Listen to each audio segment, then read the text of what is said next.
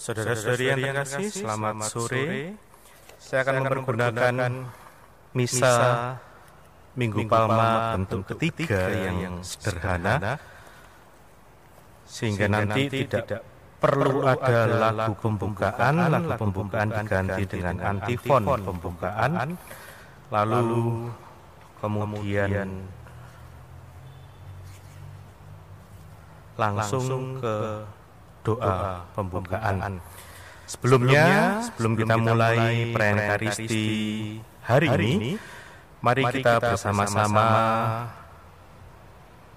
berdoa untuk pemberkatan daun palma yang kita pegang, juga untuk umat di rumah. Anda bisa memegangnya dan dengan sikap batin berdoa Mohon kehadiran Tuhan juga supaya dia menguduskan palma yang Anda pegang.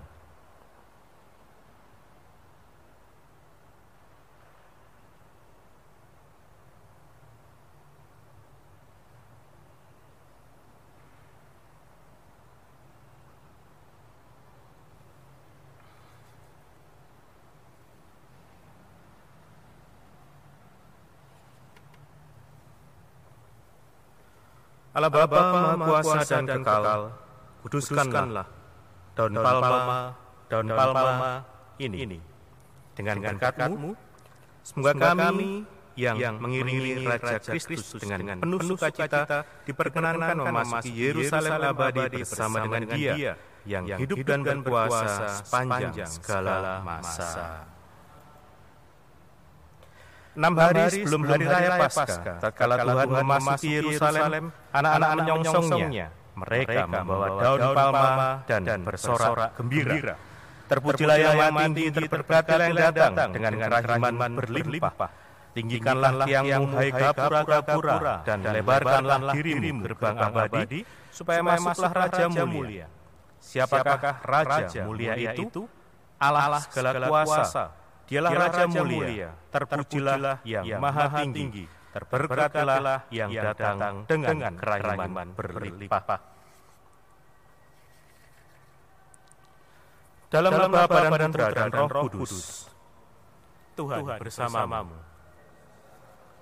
Saudara-saudari yang terkasih, mari kita awal dalam awal perayaan Ekaristi Sore hari ini kita hanya sejenak kita meriksa batin kita, kita mohon ampun agar pantas menghadap dia.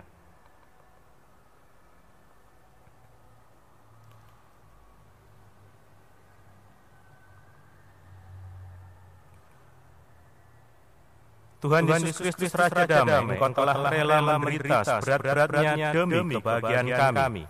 Tuhan, kasihanilah kami. Engkau telah mengalami penghinaan yang kejam agar kami dapat diangkat tinggi-tingginya. Kristus kasihanilah kami. Engkau rela wafat di salib yang hina agar kami dapat hidup mulia bersama denganmu. Tuhan, kasihanilah kami. Semoga Allah yang Maha Kuasa mengasihani kita, mengampuni dosa kita dan mengantar kita ke hidup yang kekal. Marilah kita berdoa. Allah Bapa yang Maha Kuasa dan Kekal, Engkau telah menerahkan juru selamat kami yang telah menjadi manusia dan direndahkan sampai wafat di salib. Sebagai teladan kerendahan bagi umat manusia, perkenankanlah agar kami meneladan sengsaranya dan pantas bangkit bersama dia yang bersama dengan Engkau dalam persatuan Roh Kudus hidup dan berkuasa Allah sepanjang segala masa.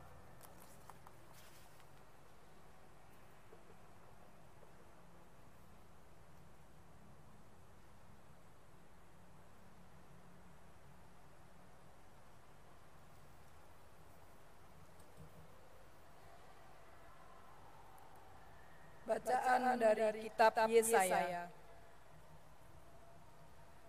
Tuhan Allah telah memberikan kepadaku lidah seorang murid, supaya dengan perkataanku aku dapat memberi semangat baru kepada orang yang letih lesu. Setiap pagi ia mempertajam pendengaranku untuk mendengar seperti seorang murid. Tuhan Allah telah membuka telingaku dan aku tidak memberontak, tidak berpaling ke belakang. Aku memberi punggungku kepada orang-orang yang memukuli aku dan pipiku kepada orang-orang yang mencaputi janggutku. Aku tidak menyembunyikan mukaku ketika aku dinodai dan diludahi. Tetapi Tuhan Allah menolong aku. Sebab itu aku tidak mendapat noda. Maka aku meneguhkan hatiku seperti teguhnya gunung batu. Karena aku tahu bahwa aku tidak akan mendapat malu. Demikianlah sabda Tuhan.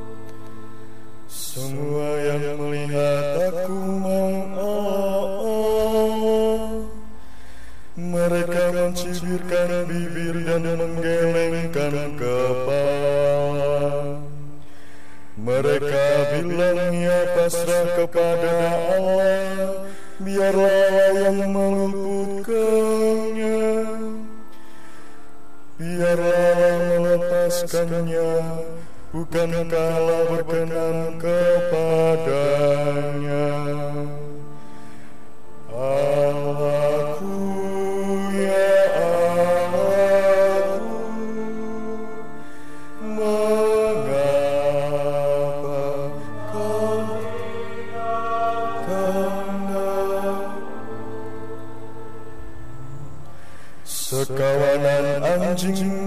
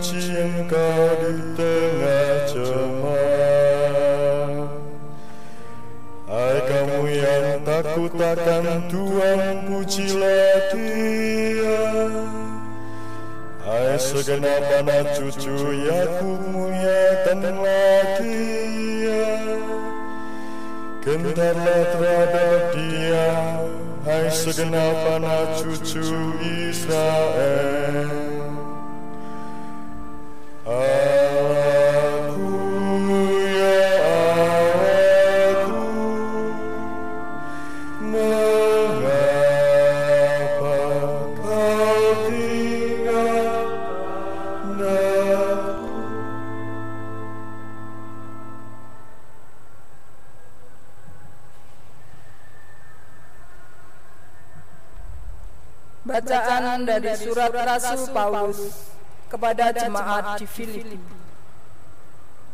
Saudara-saudara, walaupun dalam rupa Allah, Kristus Yesus tidak menganggap kesetaraan dengan Allah itu sebagai milik yang harus dipertahankan. Sebaliknya, ia telah mengosongkan diri dan mengambil rupa seorang hamba dan menjadi sama dengan manusia. Dan dalam keadaan sebagai manusia, ia telah merendahkan dirinya dan taat sampai mati. Bahkan sampai mati di kayu salib. Itulah sebabnya Allah sangat meninggikan dia dan menganugerahinya nama di atas segala nama, supaya dalam nama Yesus bertekuk lututlah segala yang ada di langit, yang ada di atas dan di bawah bumi, dan bagi kemuliaan Allah Bapa, segala lidah mengaku Yesus Kristus adalah Tuhan. Demikianlah sabda Tuhan.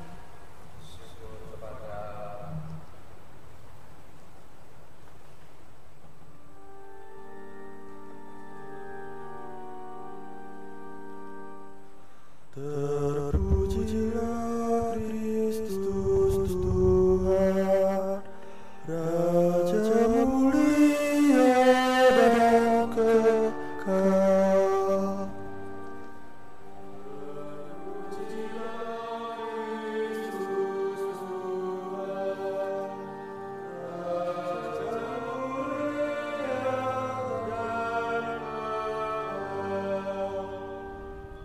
Tak untuk kita sampai wafatnya di salib Dari sebab itulah Allah mengangkat Yesus Dan menganugerahkan yang pada luhur kepadanya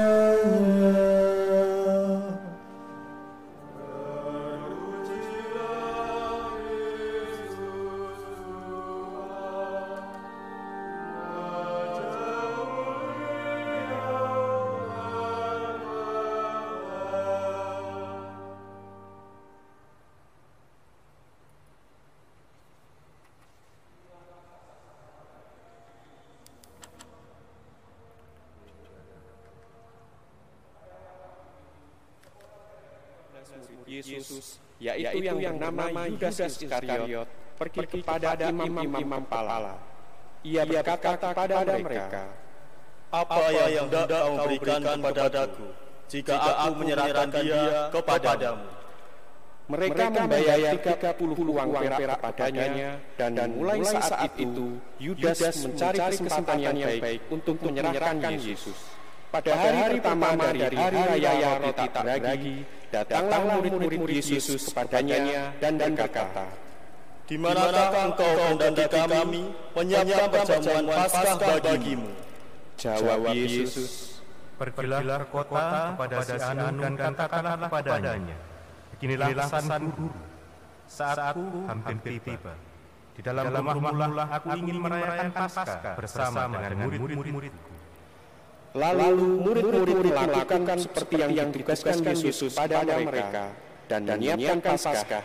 Setelah hari menjadi malam, Yesus duduk makan bersama dengan kedua belas murid itu.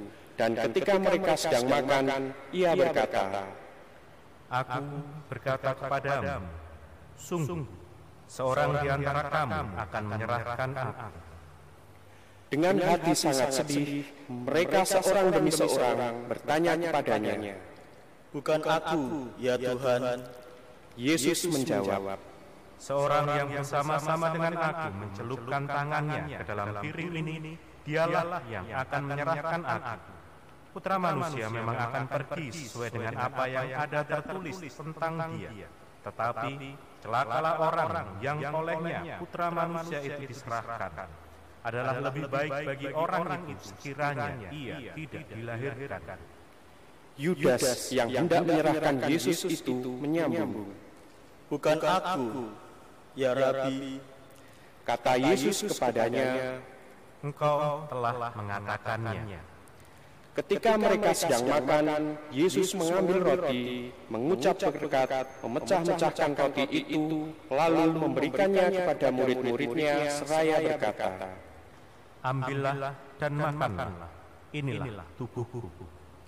Sesudah itu, ia mengambil cawan, mengucap syukur, lalu memberikannya kepada mereka seraya berkata, Minumlah, kamu semua dari cawan ini, sebab inilah darahku, darah perjanjian yang ditumpahkan bagi banyak orang demi pengampunan dosa.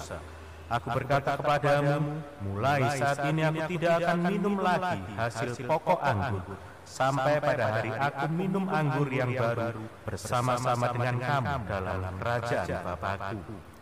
Sesudah menyanyikan lagu pujian, pergilah Yesus dan murid-muridnya ke Bukit Zaitun. Maka berkatalah Yesus kepada mereka, Malam ini kamu semua akan tergoncang imanmu karena aku. Sebab ada tertulis, Aku akan membunuh gembala dan kawanan domba akan tercerai-berai. Akan tetapi sudah bangkit, aku akan mendahului kamu, Galilea.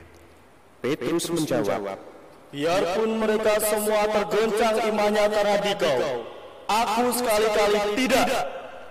Yesus berkata kepadanya, Aku berkata kepadamu, sungguh malam ini, sebelum ayam berkokok, engkau akan menyangkal aku tiga kali.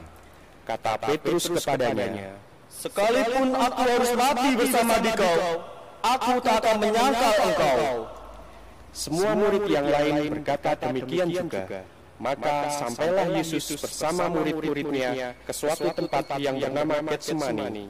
Lalu Yesus berkata kepada murid-muridnya, Duduklah di sini, sementara aku pergi ke sana untuk berdoa. Yesus membawa Petrus dan kedua anak Zebedeus sertanya. Maka mulailah ia merasa sedih dan gentar. Lalu katanya kepada mereka, Hatiku sangat sedih, seperti mau mati rasanya. Tinggallah di sini dan berjaga-jagalah bersama aku. Yesus maju sedikit, lalu sujud dan berdoa, katanya, Ya Bapakku, sekiranya mungkin, biarlah cawan ini dijauhkan daripadaku. Tetapi janganlah seperti yang aku kehendaki, melainkan seperti yang engkau kehendaki. Setelah itu, Yesus kembali kepada murid-muridnya dan mendapati mereka sedang tidur. Maka Yesus berkata kepada Petrus, Tidakkah kamu sanggup berjaga-jaga satu jam dengan daku? Berjaga-jagalah dan berdoalah, supaya kamu jangan jatuh ke dalam pencobaan. Roh memang penurut, tetapi daging itu lemah. Lalu Yesus pergi untuk kedua kalinya dan berdoa, Ya Bapakku, jika cawan ini tidak dapat dijauhkan kecuali kalau ku minum, maka jadilah kehendakmu. Dan ketika kembali pula, ia mendapati murid-muridnya sedang tidur sebab mata mereka sudah berat.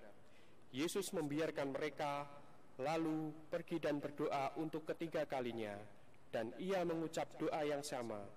Sesudah itu, ia kembali kepada murid-muridnya dan berkata kepada mereka, Tidurlah sekarang dan beristirahatlah. Lihat, saatnya sudah tiba. Putra manusia dicerahkan ke tangan orang-orang berdosa. Bangunlah, marilah kita pergi. Dia yang menyerahkan daku sudah dekat. Waktu Yesus masih berbicara, datanglah Yudas, salah seorang dari kedua belas murid Yesus. Dan bersama dia datang pula suatu rombongan besar orang yang membawa pedang dan pentung. Mereka itu suruhan imam-imam kepala dan tua-tua bangsa Yahudi. Orang yang menyerahkan Yesus telah memberitahukan tanda ini kepada mereka. Orang yang akan kucium, itulah dia. Dialah yang harus kamu tangkap. Segera Yudas maju dan mendapatkan Yesus dan berkata, Salam, ya Rabi. Lalu ia mencium Yesus, tetapi Yesus berkata kepadanya, Hai teman, untuk itukah engkau datang? Maka majulah mereka memegang Yesus dan menangkap dia. Tetapi salah seorang dari mereka yang menyertai Yesus mengulurkan tangan, menghunus pedang dan meletakkannya kepada hamba imam agung sehingga terpotonglah telinganya. Maka kata Yesus kepadanya, Masukkan pedang itu kembali ke dalam sarungnya, sebab barang siapa menggunakan pedang, ia akan binasa oleh pedang. Atau kau sangka aku tidak dapat berseru kepada Bapakku, supaya segera ia kirim lebih dari dua belas pasukan malaikat untuk membantu aku? Tetapi kalau begitu, bagaimanakah akan terpenuhi apa yang tertulis dalam kitab suci yang mengatakan bahwa harus terjadi demikian? Lalu Yesus berkata kepada orang banyak itu, Sangkamu aku ini penyamun sehingga kamu datang lengkap dengan pedang dan pentung untuk menangkap daku? Padahal tiap-tiap hari aku duduk mengajar di bait Allah dan kamu tidak menangkap daku. Akan tetapi semua ini terjadi supaya terpenuhilah apa yang tertulis dalam kitab nabi-nabi. Lalu semua murid meninggalkan Yesus dan melarikan diri. Sesudah menangkap Yesus, mereka membawa dia menghadap Kayafas, imam agung. Di situ telah berkumpul ahli-ahli Taurat dan kaum tua-tua. Petrus mengikuti Yesus dari jauh, sampai masuk ke halaman rumah imam agung. Setelah masuk ke dalam, Petrus duduk di tengah-tengah para pengawal untuk melihat kesudahan dari perkara itu. Imam-imam kepala malah seluruh mahkamah agama mencari kesaksian palsu terhadap Yesus supaya ia dapat dihukum mati. Tetapi mereka tidak mendapat bukti apa-apa walaupun tampil banyak saksi dusta. Akhirnya tampillah dua orang yang mengatakan, Orang ini berkata, Aku dapat merobohkan bait Allah dan membangunnya kembali dalam waktu tiga hari. Lalu imam agung itu berdiri dan berkata kepada Yesus, Tidakkah engkau menjawab atas tuduhan saksi-saksi ini terhadap engkau? Tetapi Yesus tetap diam. Lalu kata imam agung kepadanya, Demi Allah yang hidup, katakanlah kepada kami, apakah engkau Mesias putra Allah atau bukan? Jawab Yesus, Engkau mengatakannya, Aku berkata kepadamu mulai sekarang, kamu akan melihat putra manusia duduk di sebelah kanan Allah yang Maha Kuasa dan datang di atas awan-awan di langit. Maka imam agung mengoyakkan pakaiannya dan berkata, Dia mengucap Allah. Untuk apa kita mencari saksi lagi? Sekarang telah kamu dengar rojatnya. Bagaimana pendapatmu? Mereka menjawab, Ia harus dihukum mati. Lalu mereka meludahi wajah Yesus dan menampar dia. Ada orang lain memukul dia dan berkata, Coba katakanlah kepada kami, Hai Mesias, siapa yang memukul engkau? Sementara itu Petrus duduk di luar di halaman. Maka datanglah seorang pelayan wanita kepadanya dan berkata, Engkau juga selalu bersama dengan Yesus, orang Galilea itu. Tetapi Petrus menyangkal di depan semua orang, katanya, Aku tidak tahu apa yang kau maksudkan. Ketika Petrus pergi ke pintu gerbang, seorang wanita lain melihat dia dan berkata kepada orang-orang yang ada di situ, Orang ini bersama dengan Yesus, orang Nazaret itu. Tetapi Petrus menyangka lagi dan dengan bersumpah katanya, Aku tidak kenal orang itu. Tidak lama kemudian, orang-orang yang ada di situ datang kepada Petrus dan berkata, Pasti engkau pun salah seorang dari mereka. Itu jelas dari bahasamu. Maka mulailah Petrus mengutuk dan bersumpah, Aku tidak kenal orang itu. Dan pada saat itu berkokoklah ayam, maka teringatlah Petrus akan apa yang dikatakan Yesus kepadanya. Sebelum ayam berkokok, engkau akan menyangkal aku tiga kali. Lalu ia pergi keluar dan menangis dengan sedih. Ketika hari mulai siang, semua imam kepala dan kaum tua-tua bangsa Yahudi berkumpul dan mengambil keputusan bahwa Yesus harus dibunuh. Maka Yesus dibelenggu, lalu mereka menyerahkan dia kepada Pilatus yang adalah wali negeri. ketika Yudas yang telah menyerahkan Yesus melihat bahwa Yesus telah dijatuhi hukuman mati, menyesalah dia. Lalu ia mengembalikan uang 30 perak itu kepada imam-imam kepala dan kaum tua-tua sambil berkata, Aku telah berdosa karena menyerahkan darah orang yang tidak bersalah. Tetapi jawab mereka, Apa urusan kami dengan itu? Itu urusanmu sendiri. Maka Yudas melemparkan uang perak itu ke dalam bait suci, lalu pergi dari situ dan menggantung diri. Imam-imam kepala memungut uang itu dan berkata, Uang ini tidak boleh dimasukkan ke dalam peti persembahan, sebab ini uang darah. Sesudah berunding, maka dengan uang itu mereka membeli sebidang tanah yang disebut tanah tukang periuk untuk dijadikan tempat pekuburan orang asing. Itulah sebabnya sampai hari ini tanah itu disebut tanah darah. Dengan demikian terpenuhilah firman yang disampaikan oleh Nabi. Yeremia katanya, mereka menerima 30 uang perak, yaitu harga yang ditetapkan untuk satu orang menurut penilaian yang berlaku di antara orang Israel. Dan mereka memberikan uang itu untuk tanah tukang periuk, seperti yang dipesan Tuhan kepadaku. Lalu Yesus dihadapkan kepada wali negeri, yakni Pilatus, dan wali negeri itu bertanya kepada Yesus. Benarkah engkau raja orang Yahudi? Jawab Yesus, Engkau sendiri mengatakannya. Tetapi atas tuduhan yang diajukan oleh imam-imam kepala dan kaum tua-tua terhadap dirinya, Yesus tidak memberi jawab apa pun. Maka kata Pilatus kepadanya, Tidaklah engkau dengar betapa banyak tuduhan saksi-saksi ini terhadap engkau? Tetapi Yesus tidak menjawab sepatah kata pun, sehingga wali negeri itu sangat heran. Telah menjadi kebiasaan bagi wali negeri untuk membebaskan seorang hukuman pada tiap hari raya sesuai dengan pilihan rakyat. Pada waktu itu, ada dalam penjara seorang yang terkenal karena kejahatannya, namanya Barabas. Karena mereka sudah berkumpul di sana, Pilatus bertanya kepada mereka, Siapa yang kamu kehendaki kubebaskan bagimu? Barabas ataukah Yesus yang disebut Kristus? Pilatus sebenarnya tahu bahwa mereka telah menyerahkan Yesus karena dengki. Ketika Pilatus sedang duduk di kursi pengadilan, istrinya mengirim pesan kepadanya. Janganlah engkau mencampuri perkara orang yang saleh ini, sebab dalam mimpi tadi malam aku sangat menderita karena dia. Tetapi karena hasutan imam-imam kepala dan kaum tua-tua, rakyat bertekad meminta supaya Barabaslah yang dibebaskan dan Yesus dihukum mati. Wali negeri menjawab dan bertanya lagi kepada mereka, Siapa di antara kedua orang ini yang kamu kehendaki kubebaskan bagimu? kata mereka, Barabas! kata Pilatus kepada mereka, Kalau begitu, apa yang harus kubuat dengan Yesus yang disebut Kristus? mereka semua berseru, Ia harus disalibkan. kata Pilatus. Tetapi kejahatan apa yang telah dilakukannya? Namun semakin keras mereka berteriak. Ia harus disalibkan. Pilatus melihat bahwa segala usahanya percuma, malah sudah mulai timbul kekacauan.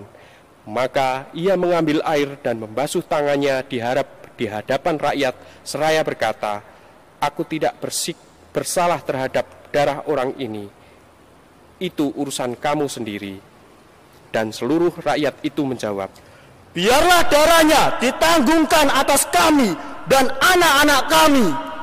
Lalu Pilatus membebaskan Barabas bagi mereka, tetapi ia menyuruh supaya Yesus didera, lalu ia menyerahkan dia untuk disalibkan. Para serdadu wali negeri membawa Yesus ke gedung pengadilan, lalu memanggil seluruh pasukan berkumpul di sekeliling Yesus. Mereka menanggalkan pakaian Yesus dan mengenakan sebuah mantel berwarna ungu padanya.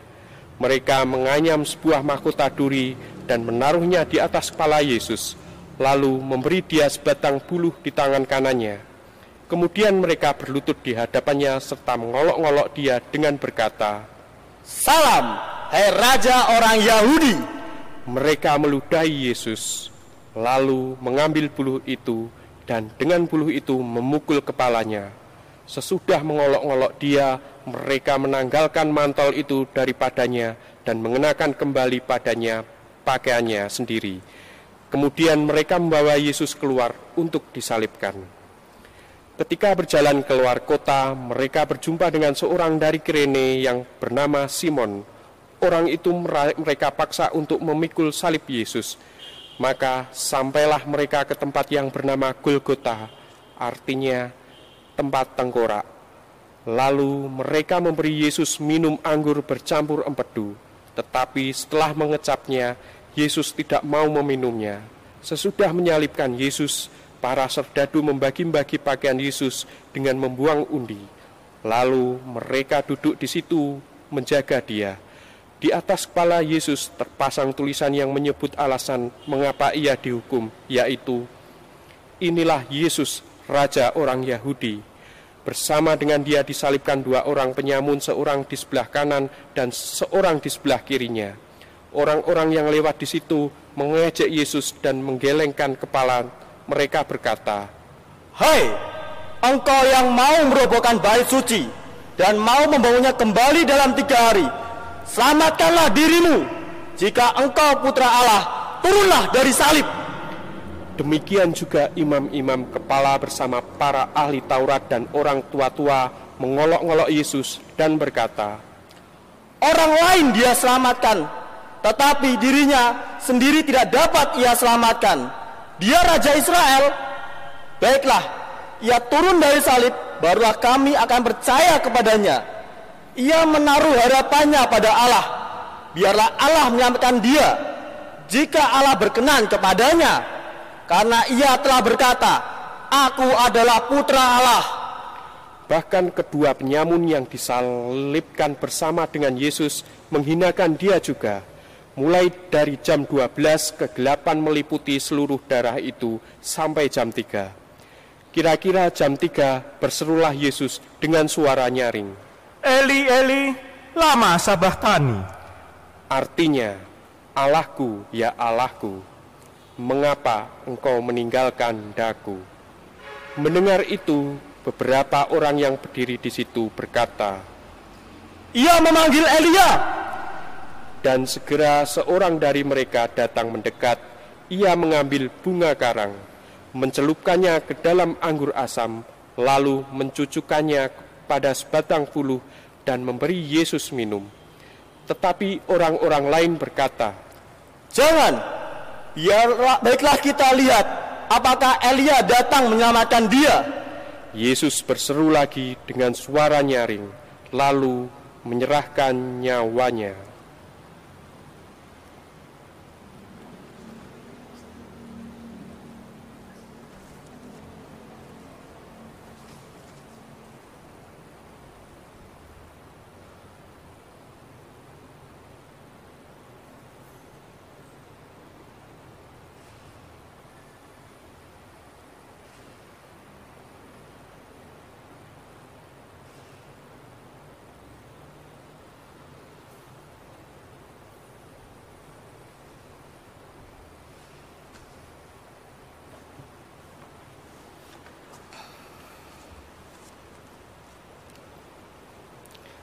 Dan lihat, tirai di bait suci terbelah dua dari atas sampai ke bawah, dan terjadilah gempa bumi. Bukit-bukit batu terbelah, kubur-kubur terbuka, dan banyak orang kudus yang telah meninggal bangkit. Dan sesudah kebangkitan Yesus, mereka pun keluar dari kubur, lalu masuk ke kota suci dan menampakkan diri kepada banyak orang. Ketika menyaksikan gempa bumi dan apa yang telah terjadi, kepala pasukan dan para prajurit yang menjaga Yesus berkata, Sungguh, orang ini adalah putra Allah. Ada pula di situ banyak wanita yang memandang dari jauh, yaitu wanita-wanita yang mengikuti Yesus dari Galilea untuk melayani dia. Di antara mereka terdapatlah Maria Magdalena, Maria ibu Yakobus, dan Yusuf dan ibu anak-anak Zebedeus. Menjelang malam datanglah seorang kaya yang berasal dari Arimatea yang bernama Yusuf yang telah menjadi murid Yesus juga. Ia pergi menghadap Pilatus dan meminta jenazah Yesus. Maka Pilatus memberi perintah supaya jenazah Yesus diserahkan kepadanya.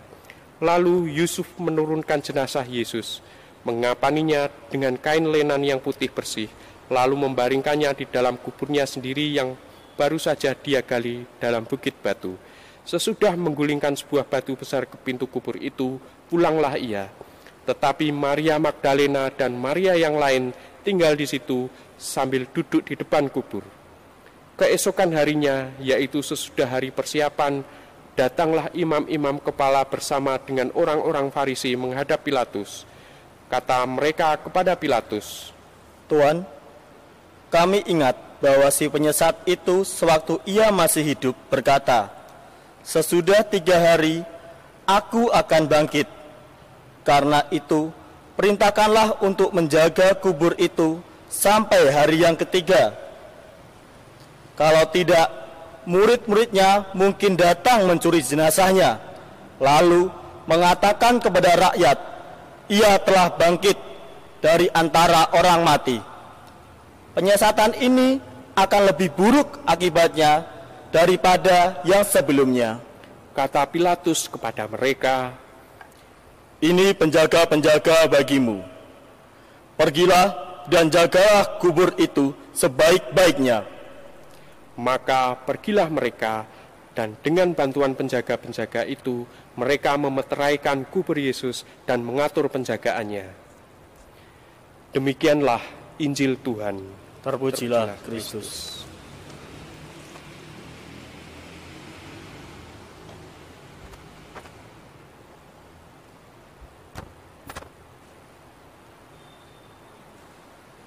Saudara-saudari yang terkasih umat Allah juga yang ada di rumah memang menjadi pengalaman yang tidak biasa kalau kita mengalami Minggu Palma tahun ini. Harusnya Yesus masuk ke Yerusalem diiringi dengan sorak-sorai tapi yang sorak-sorai ya hanya beberapa. Sementara kita diam di rumah.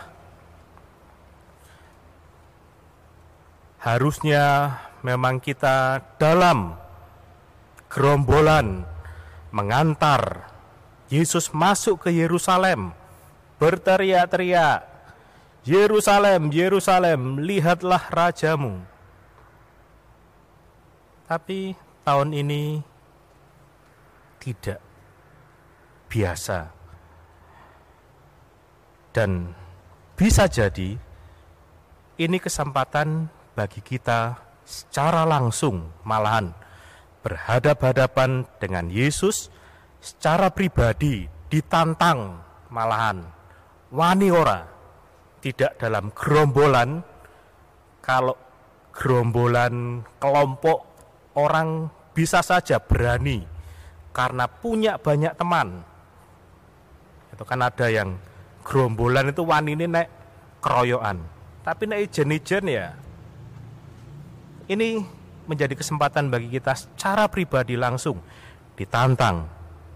Ada tiga paling tidak renungan yang bisa kita refleksikan berkaitan dengan posisi kita kita bersama-sama dengan Yesus masuk ke Yerusalem ya. Walaupun pada saatnya nanti kita mengundurkan diri. Membiarkan Yesus sendirian di kayu salib. Kita lari, kita menyelamatkan diri kita sama seperti murid-murid Kristus yang lainnya, para rasul, semua lari. Kalau dalam kisah Injil Yohanes hanya Yohanes dan Maria yang sampai di kaki salib bersama dengan Yesus. Sementara murid-murid yang lainnya lari. Itu dua posisi ya. Dan yang ketiga, dari awal kita pun menjadi pribadi yang menyalibkan Yesus. Yang berteriak, salibkan dia, salibkan dia. Tiga posisi ini bisa kita renungkan secara lebih pribadi dengan tentunya konsekuensi-konsekuensi yang menyertai. Saudara-saudari yang terkasih dalam Yesus Kristus dan lebih mudah juga sebetulnya kita merenungkan Injil hari ini dalam konteks pertarungan antara budaya kehidupan dan budaya kematian yang juga meng apa ya merongrong menyerang umat manusia yang diwakili dengan virus corona. Itu budaya kematian. Saya juga tidak mau mengatakan bahwa virus corona adalah budaya kematian tapi pertarungan antara orang berusaha untuk mempertahankan kehidupan dan mengalami kematian budaya kehidupan orang peduli itu budaya kehidupan. Orang masa bodoh itu budaya kematian. Wis terserah gue lah. Orang membantu, menyelamatkan itu budaya kehidupan. Orang masa bodoh itu budaya kematian dan sebagainya. Ada banyak apa turunan juga yang bisa kita renungkan. Budaya kehidupan itu apa kita bisa merenungkan. Saya tidak mau menjabarkan budaya kehidupan itu, tapi yang menggerakkan hati orang. Menjadikan orang lebih menghadirkan kasih itu budaya kehidupan. Tapi budaya kematian, iri hati, masa bodoh dan seterusnya itu budaya kematian. Justru ini juga menjadi kesempatan bagi kita menantang kita. Kita mau ambil bagian dalam hal yang mana. Ini juga menjadi kesempatan bagi kita untuk memperjuangkan apa mau ikut budaya kehidupan atau mau ikut budaya kematian. Yang tentunya dengan konsekuensi yang seperti tadi menyalibkan Yesus atau bersama-sama dengan Yesus masuk ke Yerusalem. Walaupun bisa jadi kita pun nanti membiarkan Yesus sendirian. Kita niat kita ingin masuk bersama Yesus tapi ya kita bisa meninggalkan dia justru ketika Tuhan membutuhkan Tuhan Yesus membutuhkan kehadiran kita.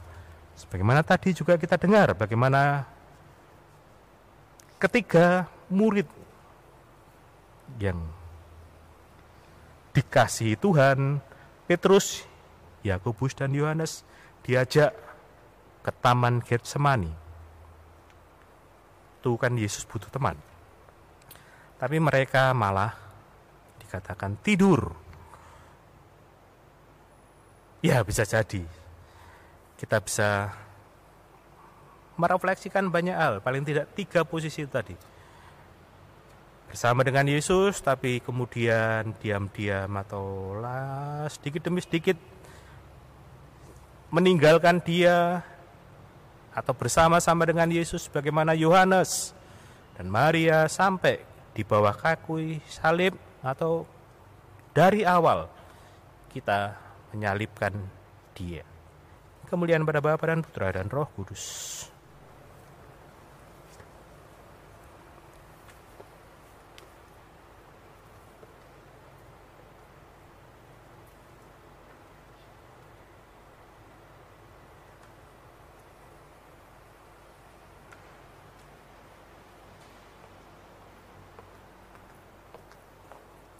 Aku percayakan Allah.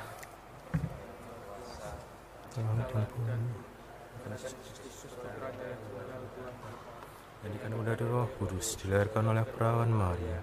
Yang menderita sengsara dalam pemerintahan proses Pilatus disalibkan Bapa dan dimakamkan.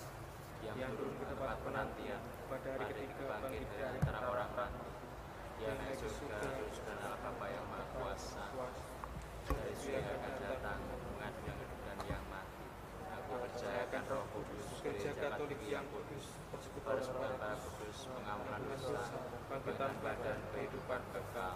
Amin. Saudari yang terkasih bersama Yesus yang taat sampai wafat tetapi dijunjung tinggi oleh Bapaknya, marilah kita menghadap Bapa dan berdoa. Bagi gereja yang menderita, ya Bapa yang Maha Kuasa, tabahkanlah mereka yang menderita, dihina, difitnah karena imannya, agar mereka tetap berpengharapan bahwa sesudah cobaan akan datang pembebasan. Marilah kita mohon. Kabulkanlah doa kami ya Tuhan.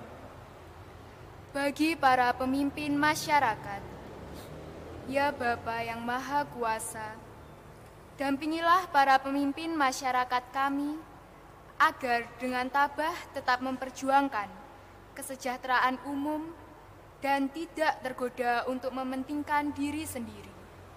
Marilah kita mohon. Kabulkanlah doa kami ya Tuhan.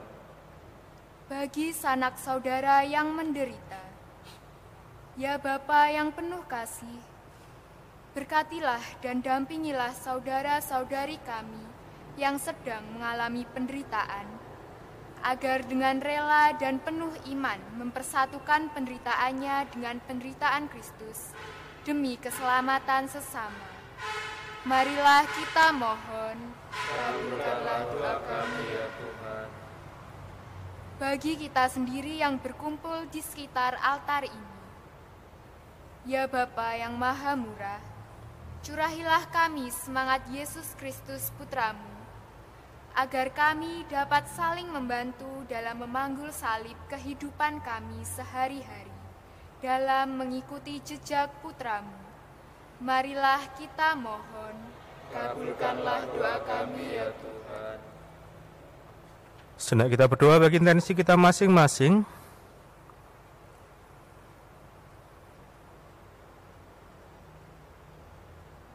Marilah kita mohon Kabulkanlah doa kami ya Tuhan.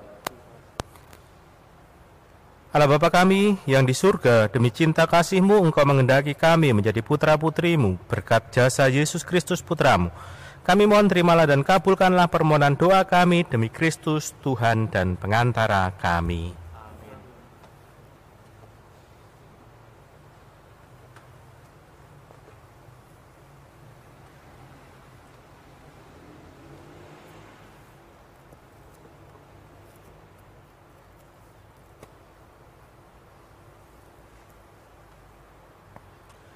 Terpujilah Engkau ya Tuhan Allah semesta alam, sebab dari kemurahan-Mu kami menerima roti yang kami siapkan ini. Inilah hasil dari bumi dan dari usaha manusia, yang bagi kami akan menjadi roti kehidupan.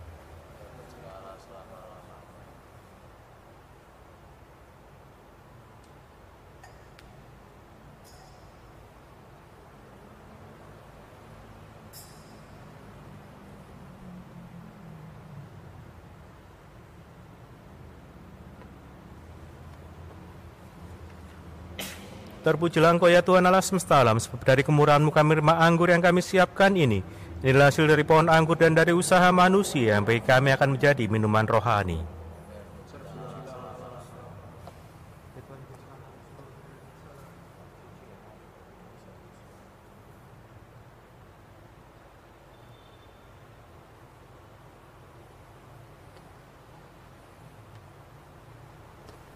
Berdoa saudara-saudari supaya persembahanku dan persembahanmu berkenan pada Allah Bapa yang Maha Kuasa.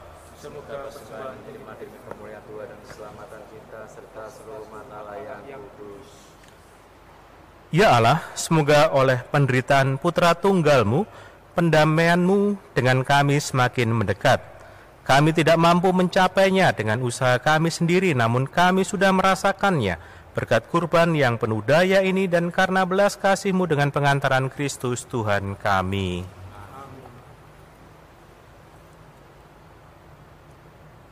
Tuhan bersamamu.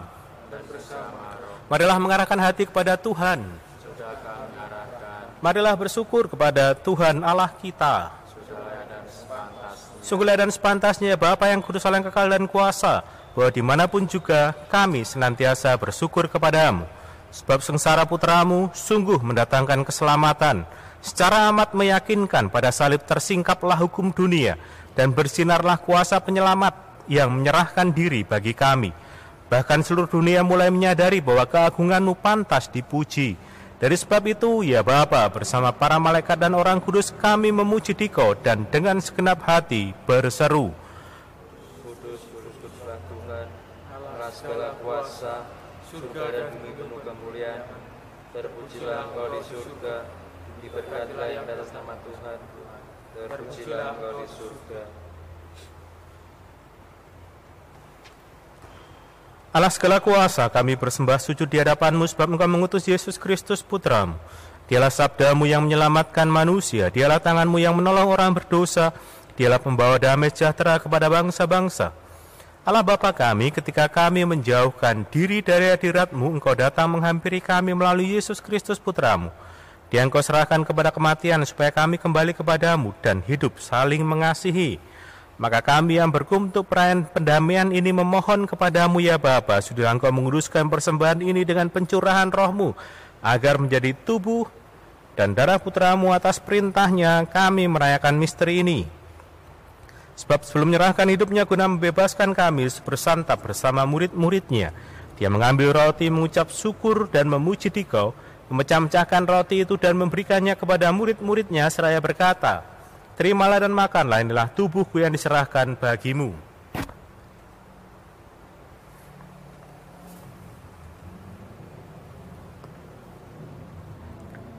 Demikian pula pada malam itu ia mengambil piala syukur, memuji kerahimanmu lalu menyerahkan piala itu kepada murid-muridnya seraya berkata, Terimalah dan minumlah. Inilah piala darahku, darah perjanjian baru dan kekal, yang ditumpahkan bagimu dan bagi semua orang demi pengampunan dosa. Lakukanlah ini untuk mengenangkan daku.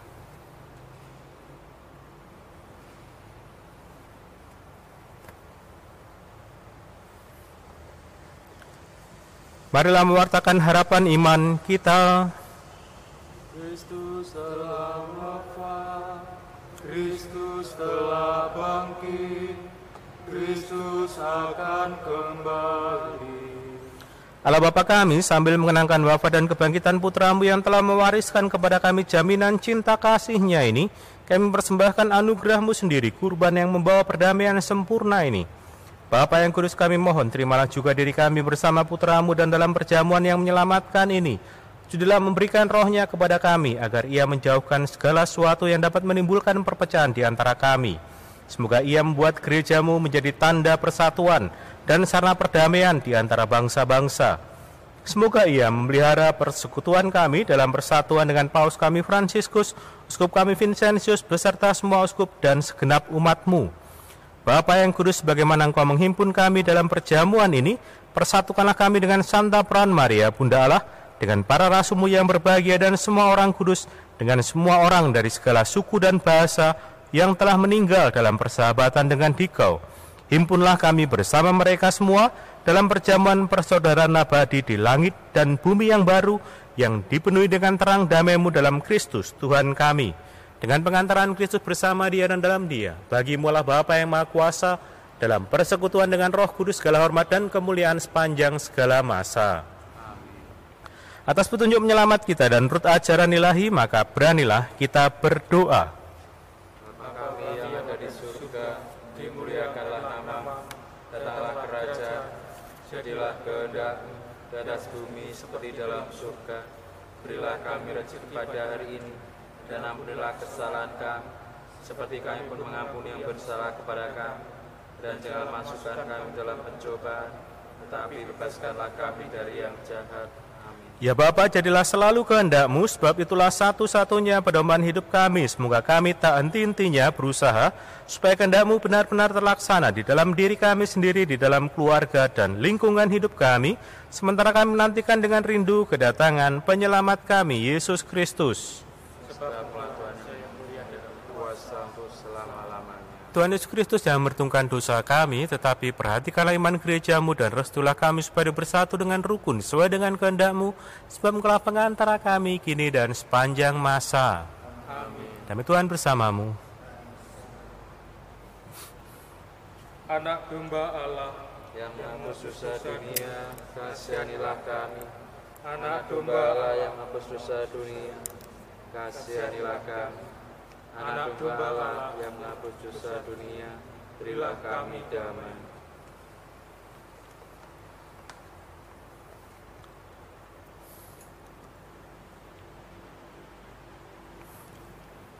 Inilah anak domba Allah yang menghapus dosa dunia, berbagailah kita yang diundang ke perjamuannya. Tuhan, saya patah Tuhan datang kepada saya, tetapi bersabdalah saja maka saya akan sembuh.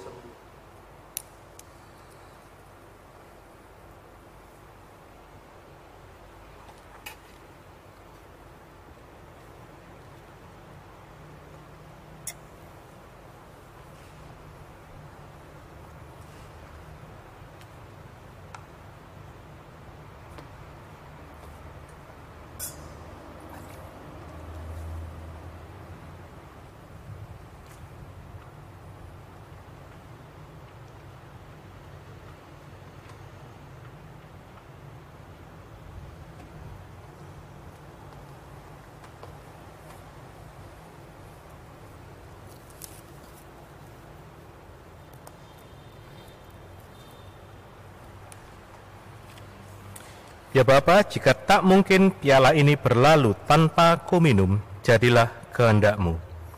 Marilah kita berdoa. Ya Allah, kami telah dipuaskan oleh anugerah suci ini, bersujud memohon kepadamu. Semoga sebagaimana berkat kematian putramu, engkau membantu kami mengharapkan apa yang kami imani. Demikian pula berkat kebangkitannya, engkau membantu kami mencapai yang kami tuju dengan pengantaran Kristus Tuhan kami. Amin.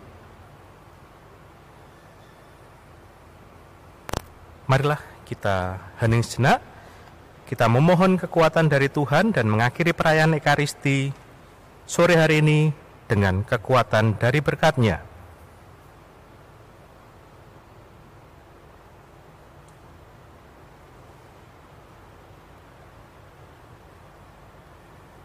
Tuhan bersamamu. Kita semua, niat-niat baik kita hidup kita diberkati Allah yang Maha Kuasa. Bapa, Putra, dan Roh Kudus. Amin. Saudara-saudari yang terkasih, umat Allah juga yang sedang berada di rumah, perayaan Ekaristi Minggu Palma sore hari ini telah selesai. Pada pergi kita diutus.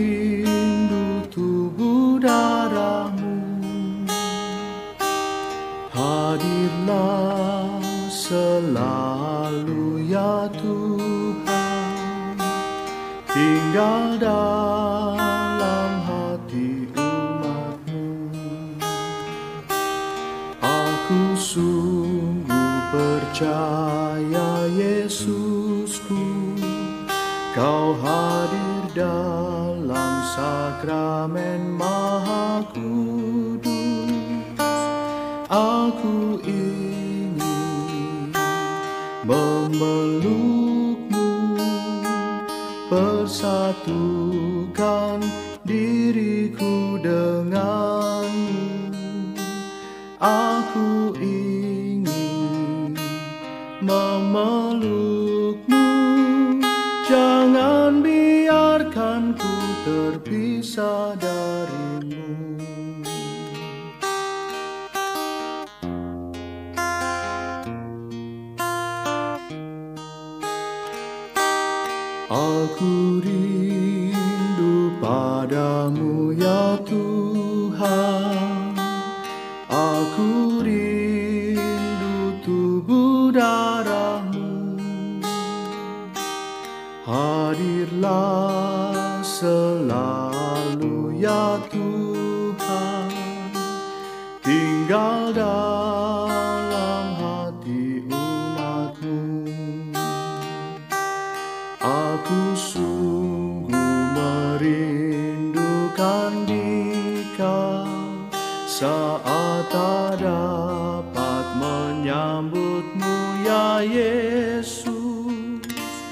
maka dah.